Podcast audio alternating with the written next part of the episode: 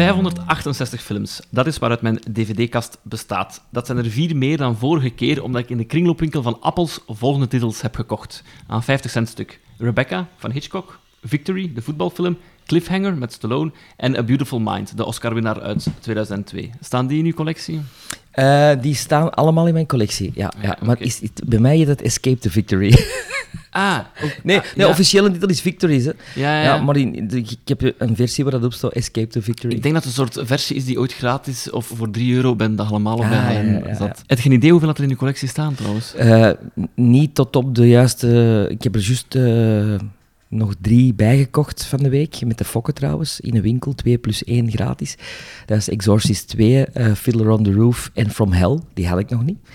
Maar ik heb om en bij de 2500 dvd's, ik denk een goede 1000 Blu-rays, en dan laserdiscs nog, en dan VHS-cassetten nog, maar daar weet ik het juiste aantal niet van. Dus laat ons zeggen dat het zeker boven de 5000 zit. Voor de mensen die zich afvragen van wie is die stem, als je regelmatig naar de filmpodcast Gremlins Strike Back luistert of kijkt naar de Vlaamse fictie, zul je het ongetwijfeld al herkend hebben, want het is de stem van acteur en koning van de fysieke media, Sven Koning van de fysieke media. Wel, dat vind ik een toffe titel. Wel, iedereen zegt, dus ik ben bij Valooi geweest, bij Vrij geweest, en iedereen zegt uw naam eigenlijk als eerste. We weten bij wie dat ik moet gaan, Sven.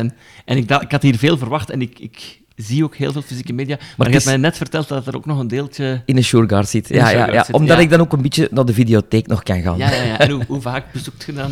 Toch één keer per maand. Ja, ja, Dan breng ik wat terug en dan haal ik wat mee. Het is, uh, het is nog heel onoverzichtelijk, mijn collectie. Ik weet ongeveer allemaal wat ik heb. Soms betrap ik me erop dat ik iets dubbel koop. Ik heb wel zo een, een appje voor dat er allemaal in te steken. En soms heb ik iets dubbel. En ja, dan zijn er wel genoeg vrienden, zoals Fokke van der Meulen of de twee mannen van de Gremlins, uh, om mee te wisselen.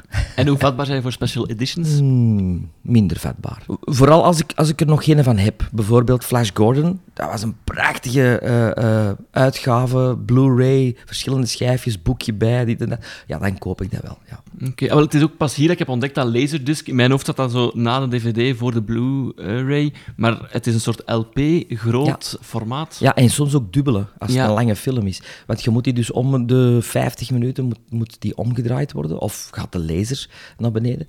En ja, gewoon dat formaat van die LP, dat is hetzelfde als met een LP. Dat is prachtig, hè. Dat is, ja, dat is prachtig om in je hand te hebben. En dat zit eigenlijk na de VHS. Ik ben op een gegeven moment uh, uh, daar opgevallen. In Antwerpen was er een klein winkeltje die ermee begon. Uh, ik denk rond 91, 92, zoiets.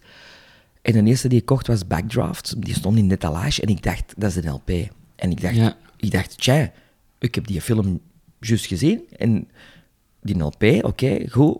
Maar dat bleek dan een laserdisc te zijn. Wat is dat, laserdisc? Ja, op het moment dat je dat dus opzette toen, omdat je alleen VHS-kwaliteit gewoon wordt, dat was ongelooflijk. Dat is DVD-kwaliteit.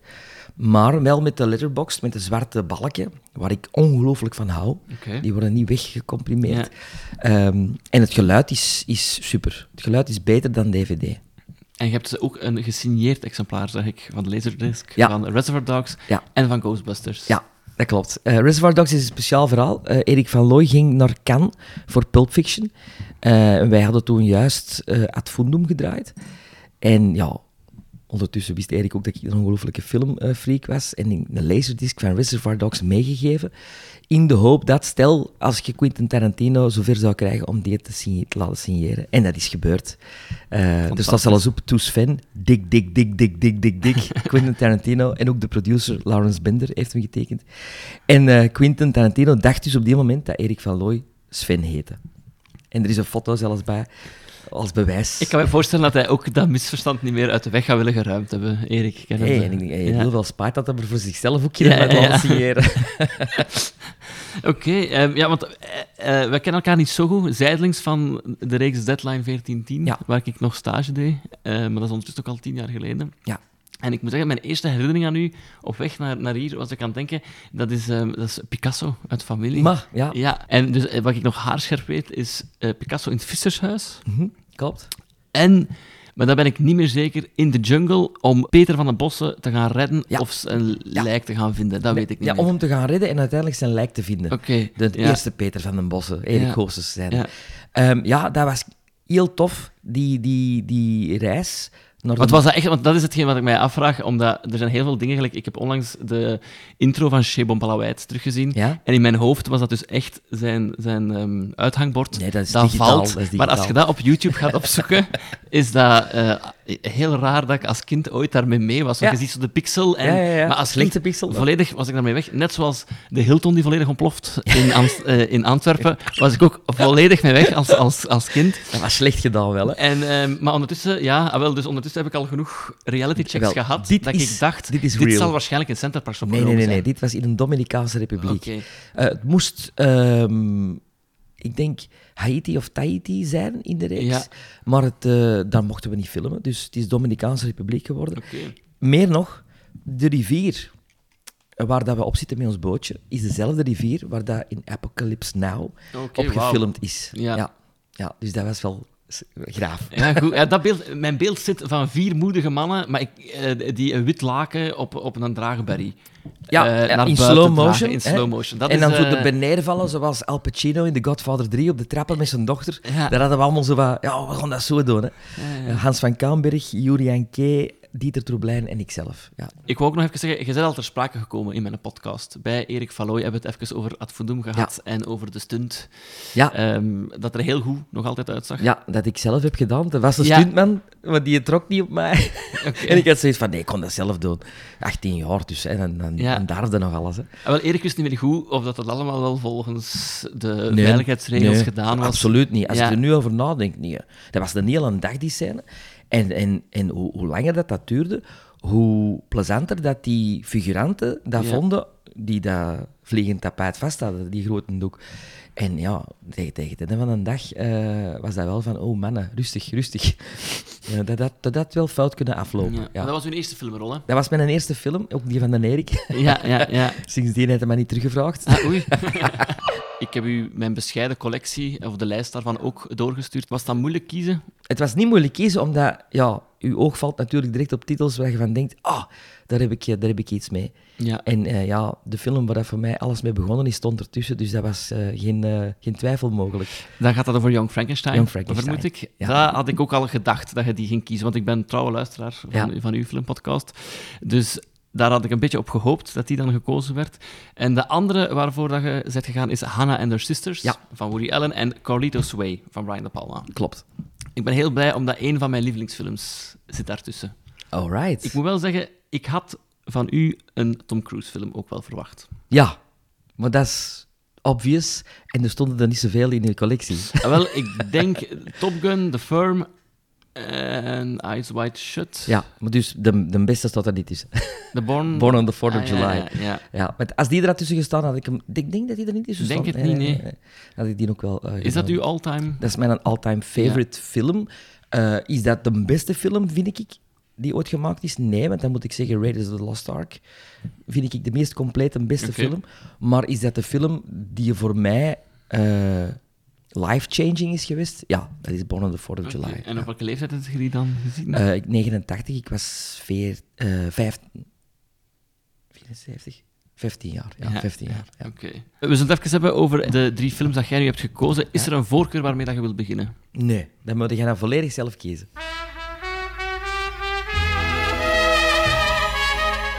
There's something very lovely and real about Hannah. She gives me a very deep feeling of being part of something. Did you ever read this one? Lee, Elliot, don't! Lee, Lee, I'm in love with you. You, you mentioned to me yourself that you and Elliot were having some problems. You were having problems and problems that are my business, which I don't see how you could know about in such detail. Ik wil wel al waarschuwen, ik, ik ben niet akkoord met de achterkant Dikwijls DVD. trekt de achterkant op niks. Nee, ah, wel, dit is ongeveer weer een bevestiging. Dus Hannah and Her Sisters, een film van Woody Allen uit 1986 met een speeltijd van plus-minus 102 minuten. In de hoofdrollen Mia Farrow, Barbara Hershey, Hershey. Hershey Zoals ja, de chocolade. Hershey bar. en Diana Wiest. Michael Caine en Woody Allen. De achterkant van de DVD omschrijft de hoes als volgt. Boordevol humor, verdriet en subtiele schoonheid is Hannah and Her Sisters een magnifieke samenvatting van Woody Allen's carrière. Hannah and Her Sisters, winnaar van drie Oscars met een briljante sterrencast, vertelt het verhaal van drie onvergetelijke vrouwen en laat Allen van zijn meest emotionele kant zien, terwijl hij met het gemak van de meester het breedste spectrum onderwerpen behandelt. De oudste dochter van ouders uit de showbusiness, Hannah, is een toegewijde echtgenote, liefhebbende moeder en een succesvolle actrice. Als trouwe steun en toeverlaat van haar twee zussen is ze ook de emotionele ruggengraat van de familie. En hoewel haar familie vertrouwt op Hannah's standvastigheid, ergeren zij zich ook aan deze sterke karaktertrek van haar. Maar als Hannah perfecte wereldje langzaam in de war wordt gestuurd door de rivaliteit tussen de zussen, realiseert zij zich dat zij net zo verloren is als de rest van haar familie. En om zichzelf terug te vinden, moet zij kiezen tussen de onafhankelijkheid die haar familie zo haat en de familie waar zij niet zonder kan. Dat is een andere film die ik Ah, gezien heb. Exact hetzelfde. want- Want de film gaat eigenlijk niet over Hannah. Nee, Nee. Het, is, het lijkt wel dat het een zeer actieve rol is Nee, en is die is super passief. Ja. Ik Ja. moet bekennen, ik had hem nog nooit gezien. Oké. Dus hij stond in de lijst als een soort van eh, paar dingen van Woody Allen ooit gekocht om te Ja. ontdekken. Ik denk dat mijn allereerste kennismakingen met Allen niet overweldigend waren, Mhm. waardoor dat hij ook lang Ja, dat, dat kan gebeuren. is, hè. is Dan- blijven dan- liggen. Ik heb dat bijvoorbeeld met, met, met Kubrick. Ja, Eh, mijn, mijn eerste kennismaking met Kubrick was ook niet wauw. Ben was het die... dan Ice White Shut met Tom Cruise? Nee, nee, nee, dat vond ik wel wauw. Ja, ja. Nee, dat was eigenlijk Dr. Strangelove zo. En ik heb dat ooit voor de, hel- voor de helft gezien. En ik vond dat, nou, ik, ik vond dat niet zo, niet zo denderend. Eh, ik heb dat onlangs moeten terugzien. Ik vind dat goed, maar ik vind dat nog altijd niet wauw. Maar dan heb ik later Barry Lyndon gezien, waar ik grote fan van ben. En nu Mhm. onlangs 2001. En nu ben ik Kubrick terug aan het eh, herontdekken Ja, en ja. appreciëren. Ja. Wel, ik heb onlangs ook voor de podcast dus Ice White Shut opnieuw bekeken. Ik heb die gewoon te jong bekeken in de tijd, toen ik 15 was. En dan kijkte zo naar... Dit is een klassieker. Ik begrijp het niet, maar het zal wel goed zijn. Maar nu kwam hij binnen en dat is, dat is een soort van rare trip. Ik kan niet zeggen dat het Ja. dan per se een hele goede film is, maar ik was wel mee in die nacht. En, en... Het is een beetje brutaal om te zeggen, maar Kubrick zijn films hebben dat wel. Die Ja. blijven zo nazinderen daarna. Mhm. Eh, ik heb onlangs Barry Lyndon terug herbekeken en dat is zo'n film die nu weken niet loslaat. En je kunt dat niet juist zeggen waarom, Ja, maar dat blijft zo ja, in je herinnering zitten. kunnen we dat over Hannah en haar sisters ook zeggen? Ja, Hannah and Her Sisters is de film waar ik een heel groot hart voor heb. Omdat ehm, bij mij hangt ook vaak de moment waarop ik de film zie, samen met nostalgisch gevoel dat Ja. ik heb tot die film. Ik heb die gezien in New York eh, in 86. Ja. Ehm, dus Jij je- waar toen ik 12. 12 jaar? Ja. Oké. Dus ik zat daar in New York en je ziet plotseling op het scherm in de cinema de straten waar dat je vijf minuten geleden Ja. nog doorliep. Dat op zich is al een meta-ervaring. Mhm. Ehm, het was niet mijn eerste kennismaking met Woody Allen. Ik eh, had vooral de, de oudere gezien. eh, Sleepers, of Sleeper, eh, Bananas, eh, Take the Money and Run. Meer de, de koldereske Ja. eh, Woody Allen. En deze was een, een romantische love story. ehm, waar dat ik vooral geboeid was door de segmenten met Woody Allen, die als hypochonder Mhm. bij een dokter komt en eh, denkt dat hem gaat sterven om van alles. Een beetje zichzelf speelt daar. De- Denk, ik denk de, de allereerste keer dat hij het zo in een extreme zichzelf speelt. En langs de andere kant Michael Caine, die een geweldige eh, eh, vertolking geeft erin en een geweldig, geweldig personage mag spelen, die eigenlijk verliefd is eh, op de zus van zijn Van zijn vrouw. vrouw, ja. ja. Ehm, die zus die dan zelf ook een relatie heeft met een oudere man, Max von Sydow, die voelt van, ja, ik ben hier eigenlijk in een relatie... Ik zit hier verkeerd in een relatie. Max von Sydow heeft mij bekeken als een soort muze destijds, maar ik ben nooit niet meegegaan in zijn, Mhm. in zijn eh, eh, artistieke trip. Eh, maar nu wel die aandacht krijgt van een andere, oudere man, Michael Caine, de man van haar zus.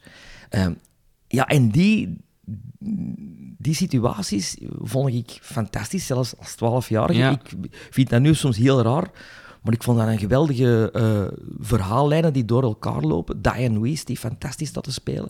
Carrie Fisher, Prinses Leia, zit er Ja. ook in. Ehm, en dat is, denk ik, samen met Manhattan, mijn lievelingsfilm van Woody Allen geworden. Ehm, Ik vind dat straf als 12 jaar, want ik denk dat voor, voor mij zou als 12 jaar gewoon een babbelfilm, babbel, Ah, babbelfilm geweest zijn. En Maar dat ligt, dat aan mijn bomma. Mijn Ja. bomma heeft mij eh, heel vroeg eh, mee naar films genomen in de cinema, waar ik eigenlijk nog te klein voor was. Ik heb op mijn tien jaar Jentel gezien in de cinema, eh, of zelfs nog jonger, denk ik. En ja, ik was er ook helemaal van ondersteboven. Ook de reactie die mijn mama Ja. had op die film. Mijn mama zat er met te schreeuwen met Jentel, omdat ze dat... Hè, haar vader was dan overleden ook, en die, die, ja, dat liedje van eh, eh, eh, Papa, Can You Hear Me? Dus ik slorpte al die emoties Ja, ja, wel op, zeker in de cinema, omdat je er niet weg kunt. Eh, hetzelfde met Hannah en haar sisters. Ja, in de cinema in New York met, met je ouders dat gewoon zien, terwijl je er zelf zit. Ja, Ja. Ik vond dat een enorme ervaring. En ik heb... Ja, ik ben eigenlijk van, van... Soms denk ik daar nu over na, omdat ik dan naar mijn eigen kinderen zie. Dat ik denk van, wat voor films zag ik op jonge leeftijd al, waar dat ik dan wel echt mee mee was. Waar ik echt van zei, wauw.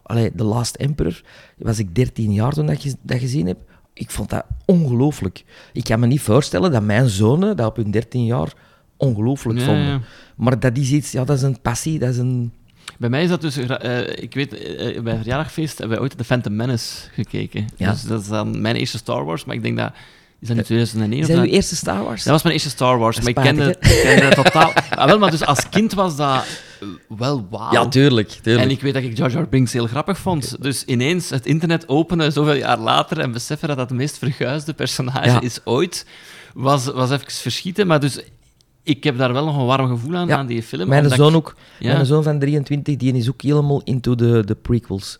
Dat is, er is die mee opgegroeid. Dus Ja. dat, is, dat is normaal. Hè. Wat vond jij van Hannah Ah, wel, ehm, ik vind het heel interessant wat je zegt, want voor mij zijn dat ook de twee verhaallijnen die ik het interessant vind. Het Mhm. begint ook met Michael Caine, met zijn voice-over. Eigenlijk, je bent nog niet goed meegesitueerd, maar ineens heb je door van, ah ja, hij is eigenlijk gewoon verliefd aan het kijken Ja. naar de zus.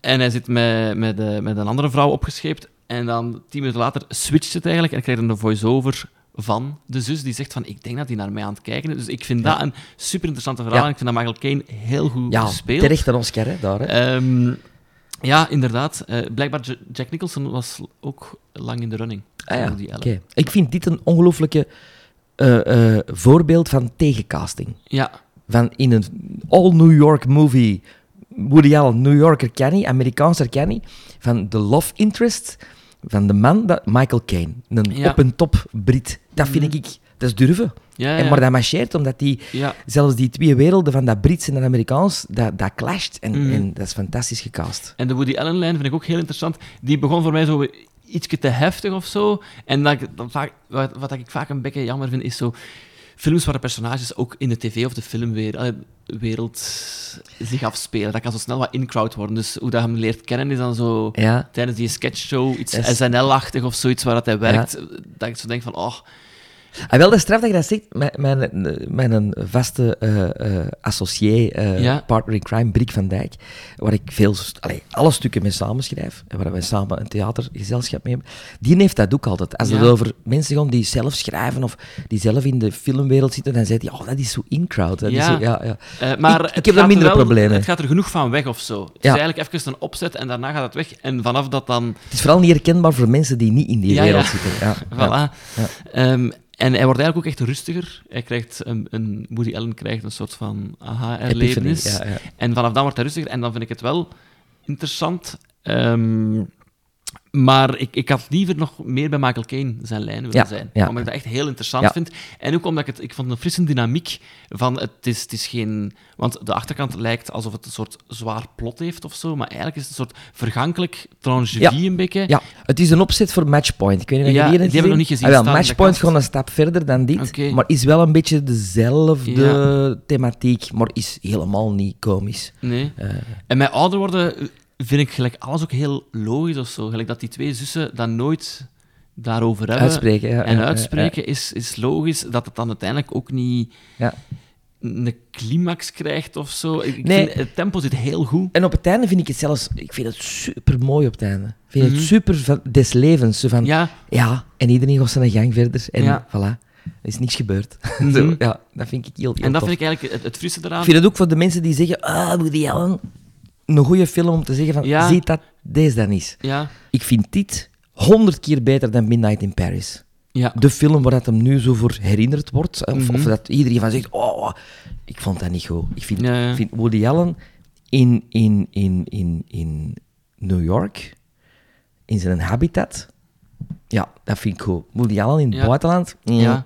Het is wel een... een, ehm, Wacht, hoe, moet ik, het- hoe, hoe moet ik het zeggen? Ik vind het wel ook wat vergankelijk of zo. Ik denk dat ik er veel ga vergeten. Het is een zijn- tijdcapsule, Het is een tijd... Ah, wel, Ja, ja. ja. Dus, dus het is, daarin vind ik het niet per se zo'n soort meesterwerk of, of pure cinema, maar het is... Het Ik denk dat Manhattan meer een meesterwerk Ja. is. En ik denk dat dit een soort van... eh, als je geïnteresseerd bent in New York van de jaren 80 dat niet meer bestaat, Mhm. dan moeten zeker films van Woody Allen zien. En Ja. Hannah and Her Sisters, de straten waar dat hem in loopt. En waar, dat, is, ja, dat is een beetje... ehm eh Nouvelle Vaak, maar op zo'n New Yorks. Hè, zo Ja. hoe- Hoe vaak zijn jij al in New York geweest? Vaak, vaak, Ja. vaak. Eh, ik, kan- denk, als ik zeg een keer of tien, dan ja, zoiets. Oké, ja. Eh, zullen we overgaan naar de volgende? Ja, Ik, ik stel voor dat we naar... eh, naar uw lievelingsfilm gaan. ja, ja. Eén van uw lievelingsfilms. Een van mijn lievelingsfilms. Ja. En dan, dan is het Carlito's Way. Straf. Vind, Ja. vind ik tof. Court of Appeals decision. Now devolve upon me the painful duty of unleashing upon society a reputed assassin. The prisoner's discharge. Call the next case. You Carlito Brigante, man. You a legend. He's one of us. Puts money in everybody's pocket big time. He was big. This is a tough guy.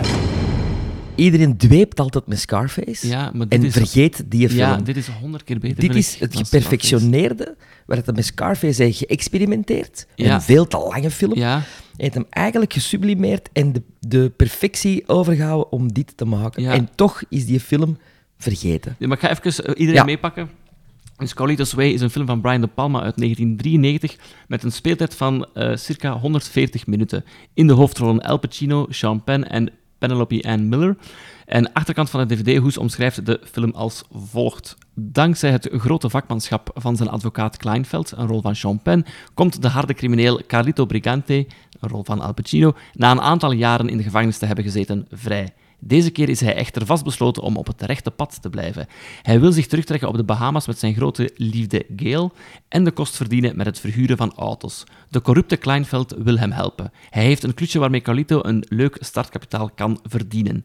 Hij noemt het slechts een gunst uit loyaliteit voor bewezen diensten. Maar als Carlito iets geleerd heeft uit het verleden, dan is het wel dat loyaliteit dodelijker is dan een kogel.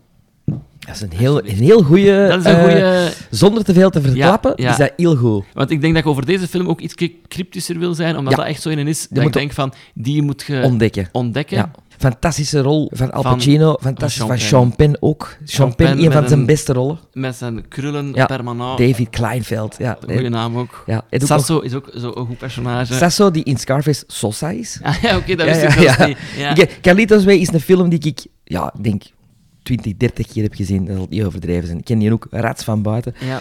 Eh, Viggo Mortensen in een van zijn eerste rolletjes als Lalin. eh, de, Heel goede reveal ook, Ja. hoe dat hij er na zoveel jaren Ja. er terug bij loopt. John Leguizamo, Benny Blanco from the Bronx. Ja, Eh, Hij zit vol met goede bijrollen. En de- dingen ook, hè. Ehm, oh, met zijn naam, Louis Guzman. Guzman, ja, ja. En het goed. is een, het, het meesterschap van De Palma dat hier tot in de details tentoongespreid wordt. Ehm, er zit op een gegeven moment, de, de derde act, zit er een, een achtervolging in de subways in Grand Central Station. Dat is, allee, dat is ongeëvenaard, vind Ja. ik. Dat is En het zo goede is, spannend. ik weet, de allereerste keer dat ik hem zag, ik denk dat ik op dat moment zo even een plaspauze moest hebben of zo, dus ik duwde op pauze en ik dacht van, ah, maar de film duurt nog een half uur of zoiets. Ja. En eigenlijk is dat, dat is een sequentie die heel lang in tijd duurt, maar die voelt totaal niet Nee, lang aan. en heel Dus- intens is, hè? Ja, heel intens, super spannend, super... Ja, echt eh, perfectie. Ja, Ik vind dat echt dat dat overdief. En het einde dan daarvan, Ja, dat je denkt van, lullig en goed. Ja, dat je denkt van oh my god, ik had het kunnen weten. ja, maar letterlijk, want eigenlijk de film begint met een mooie, lange openingssequentie, die ook eigenlijk al prijs geeft wat er gaat Mhm. Ja, gebeuren. je vergeet dat. En toch vergeet je dat en gaat het erin mee. Dus ook die, de scène met een biljart, helemaal in het begin. Het moment dat hem eigenlijk De poel, ja, ja, ja. dat hem er terug werd ingezogen in, in het wereldje, dat is ook van een spanning. Van een, Dat is een van mijn favoriete scènes, de scène met de dat poeltafel. is, dat is Hitchcockiaans, hè? Ik vroeg me af wat dat uw gevoel was bij de scène als hij terug bij Gail gaat met het kettingje. Dus hij zij doet de deur Ja. open op, op een kier ehm, en hij bukt dan die deur ja. in en hij heeft een soort liefdesromance scène. Ja. Ik, ik moet zeggen, ik, ik vind die heel grappig.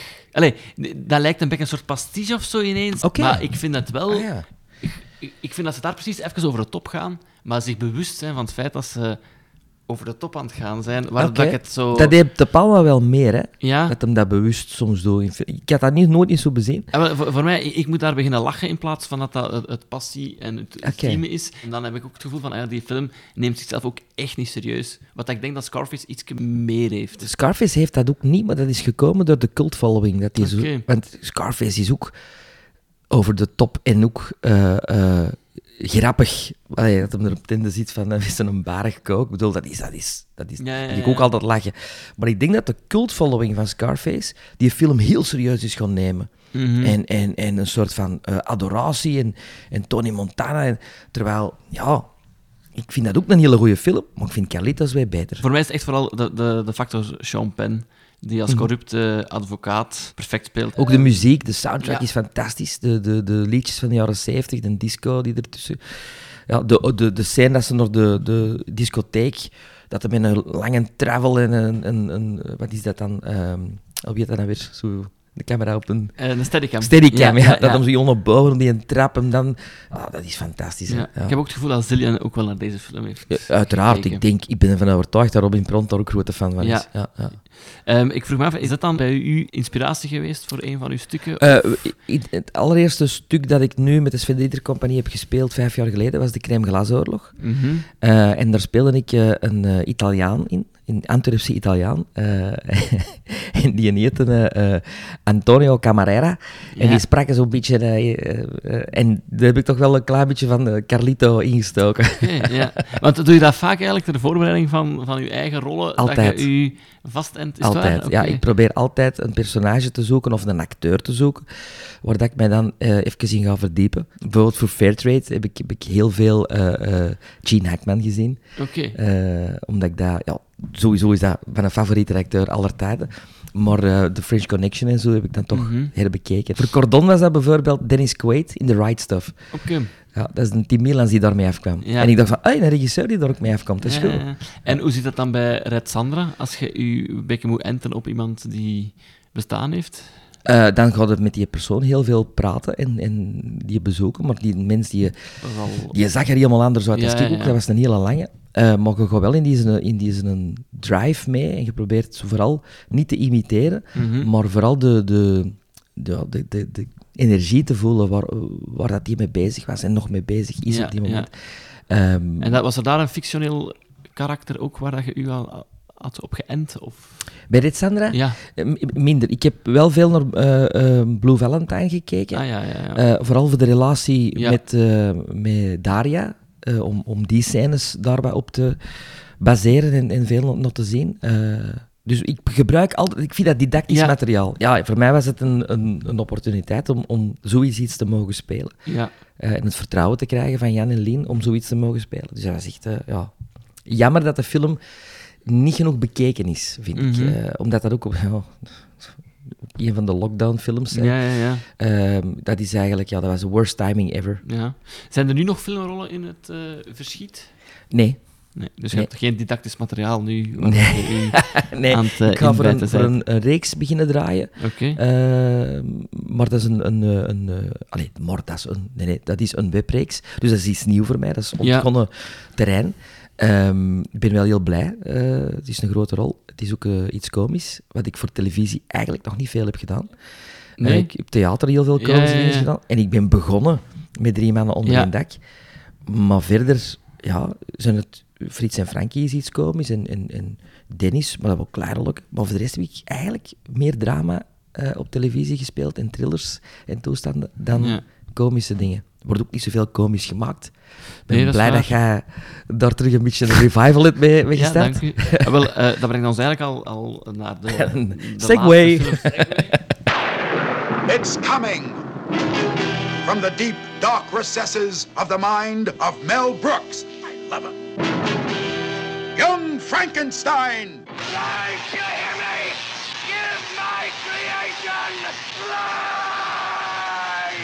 Sky means business. Starring Gene Wilder as Dr. Frankenstein. That's Frankenstein. Favoriete film, mag ik dat zeggen? Of favoriete comedy? Of... Sowieso de film waar voor mij alles mee begonnen is Oké. ehm, Young Frankenstein.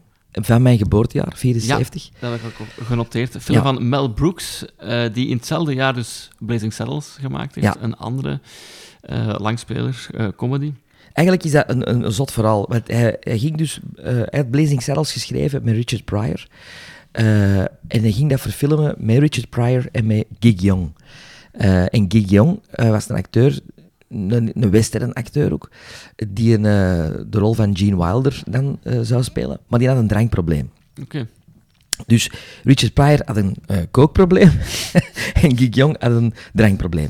Richard Pryor werd door de studio's een beetje van, ja, hij mag het schrijven, maar we gaan het hem niet laten spelen, want hij is een Ja. beetje onberekenbaar. Hè? Dus hebben ze Cleveland Little eh, genomen als acteur. Eerst een draaidag met Gig Young. Gaat het, eh Gig Young? Ja, ja, ja, het gaat, het gaat, gaat. En ze hangen hem er ondersteboven in die cel. En ze beginnen te draaien en daarna wordt hem losgemaakt en die mens zag purper. Die is tot ziekenhuis gemoeten en Mel Brooks had zoiets van, deze gaat niet goed komen. Ja. Ze zei, ja, ik moet nog Gene Wilder bellen, die ik van de producers ken, hè, uiteraard, Ja, ja, de eerste film heeft gemaakt. Eh kun jij binnen de week komen, kun jij paard draaien, kun jij, eh, kun komen draaien? En die had het script ook al gelezen van Blazing Saddles. Eh, en die zei, ja, ik kom. Zonder hier een moment te twijfelen, kende die rol van voor naar achter.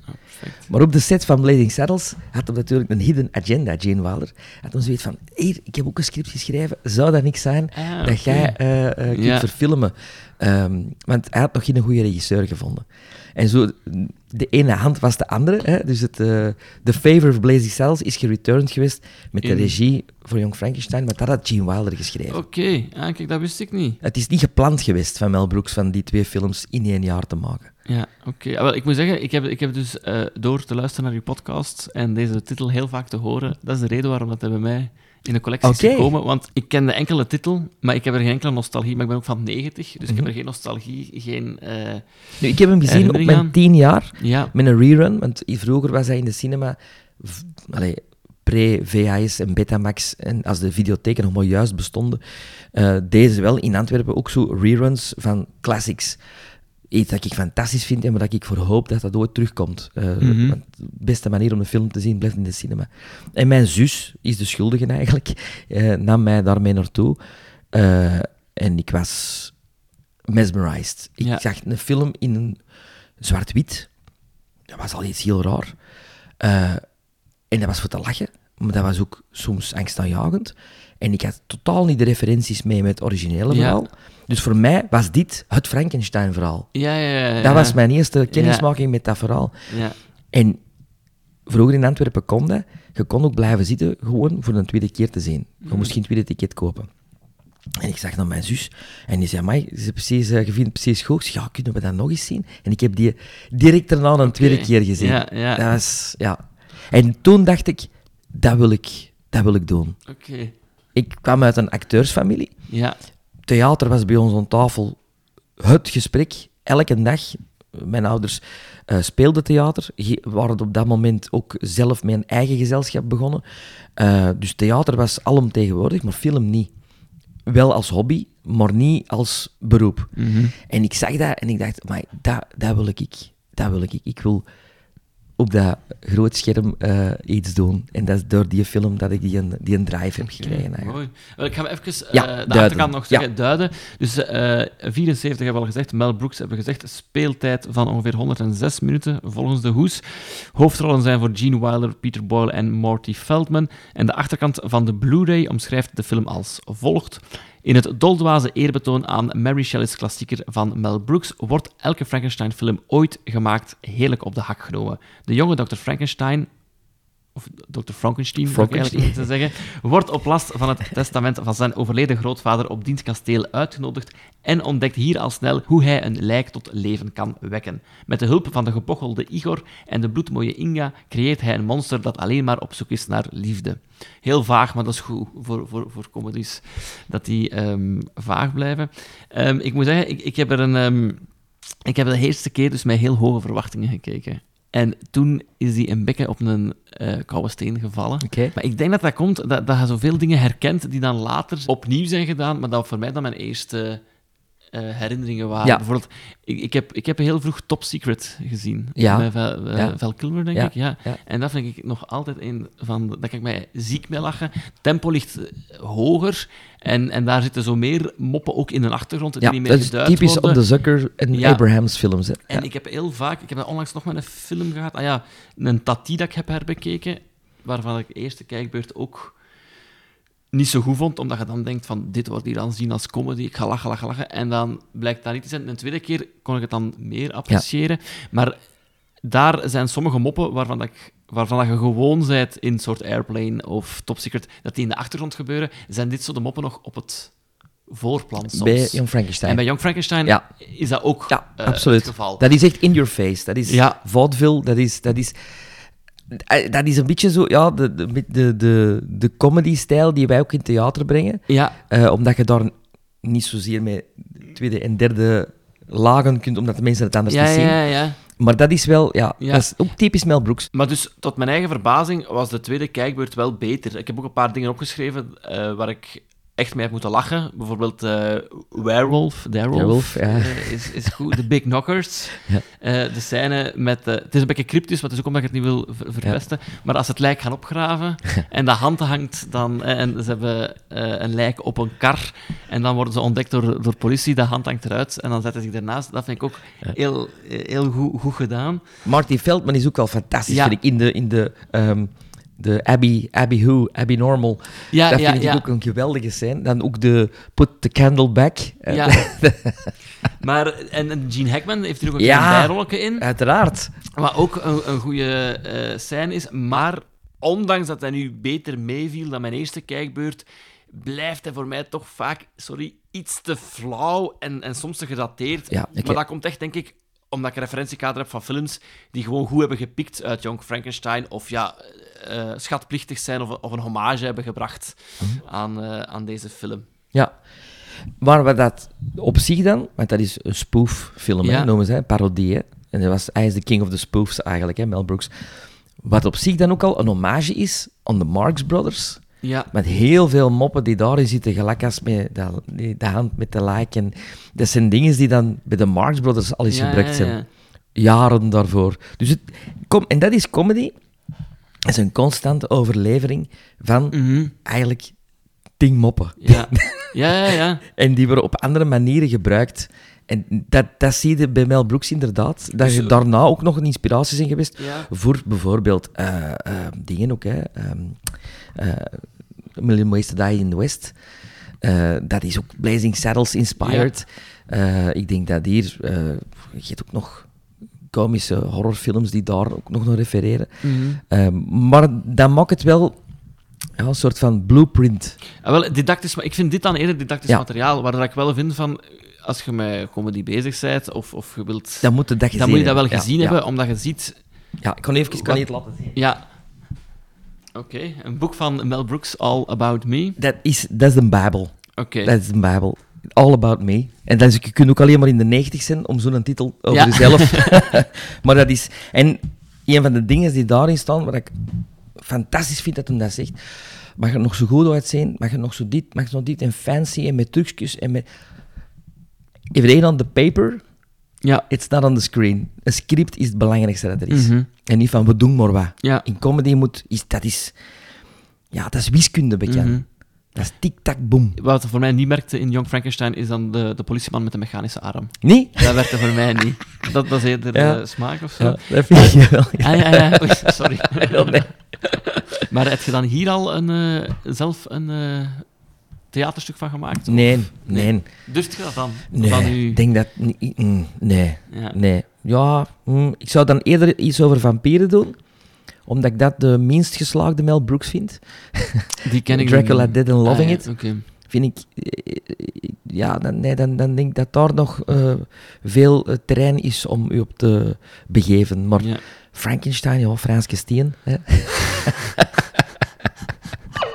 Eh, nee, goed, eigenlijk, wij zijn eh, rond qua, eh, qua films betreft. Ik vond het, ik vond het een heel aangename babbel. Ik ook. Ik weet niet wat een duidelijke babbel is, want we hebben heel veel Verwijzingen. verwijzingen, ja, misschien, maar misschien is het wel eh, de, de moeite dan om de films ook te bezien. voor de mensen die ook mijn lijst eens willen zien, die kunnen terecht op Letterboxd. Mijn gebruikersnaam is Jelle Gordijn. Of op de website dvdkast.be.